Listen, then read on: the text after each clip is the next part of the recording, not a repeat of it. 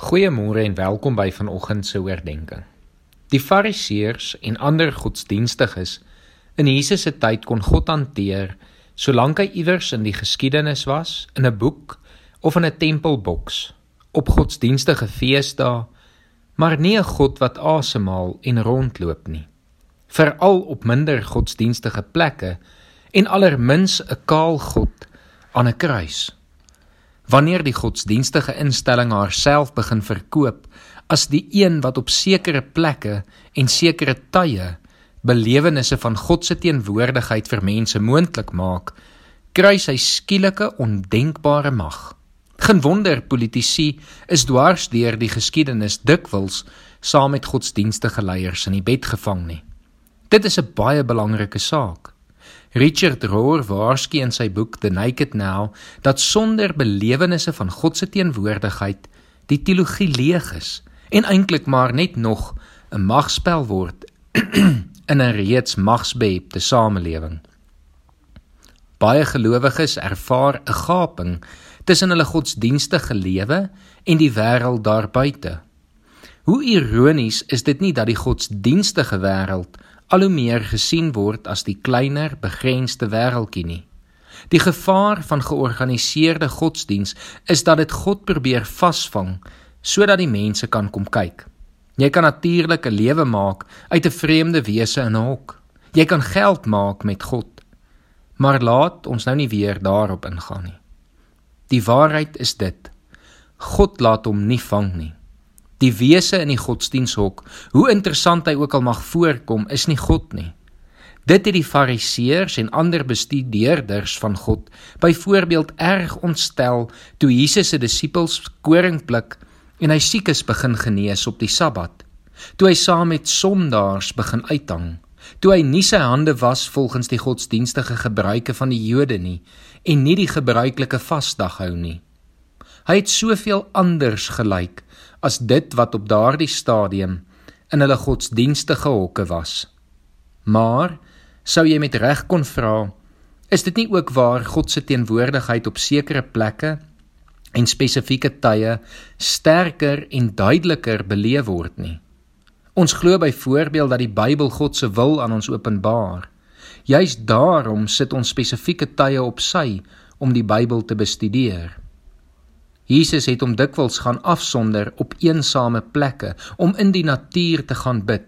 En selfs Paulus sê God openbaar homself in die natuur. Dit is alles waar. Jesus self het mense in sinagoges die waarhede van die ou geskrifte geleer. Maar volgens Jesus word God ook al ook veral beleef in minder godsdienstige plekke. Daar waar mense lief is vir mekaar en omgee vir 'n vreemdeling en vir weerloses. Hy leer ons dat God ook saam met sondaars eet. Wat bly oor? Niks. God is oral. Die kerk het die manier om die evangelie onnodig ingewikkeld te maak, veral deur belewennisse van God se teenwoordigheid te probeer skeduleer en formaliseer. Vreemde dinge gebeur wanneer mense bewus word van God se heilige teenwoordigheid ook op minder godsdienstige plekke. Ons gedra ons mos oor die algemeen beter op heilige plekke.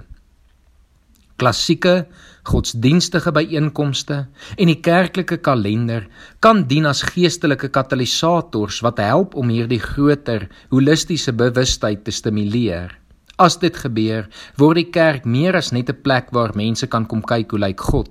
Sy word 'n gemeenskap wat eerlik saam soek. Die groot funksie van die godsdienstige beweging is tog nie om God te probeer vang nie, maar om mense te bevry en te help om te ontdek dat hy toe al die tyd nader is as 'n hartklop. Paulus en Silas het hom beleef in die tronk. Petrus het ontdek dat hy by hom was toe hy in ongeloof begin sing het, selfs toe hy Jesus verloon het. Paulus sien hom tussen die heidene in Athene in die standbeelde van die onbekende God en selfs in die gedigte van Griekse skrywers. Die tollenaars en sondaars ontdek tot hulle verbasing dat hy saam met hulle eet en 'n bruidegom dat hy daar is toe sy wyn opraak. Ons is hierdie week besig om na te dink oor wat dit beteken om Jesus te volg.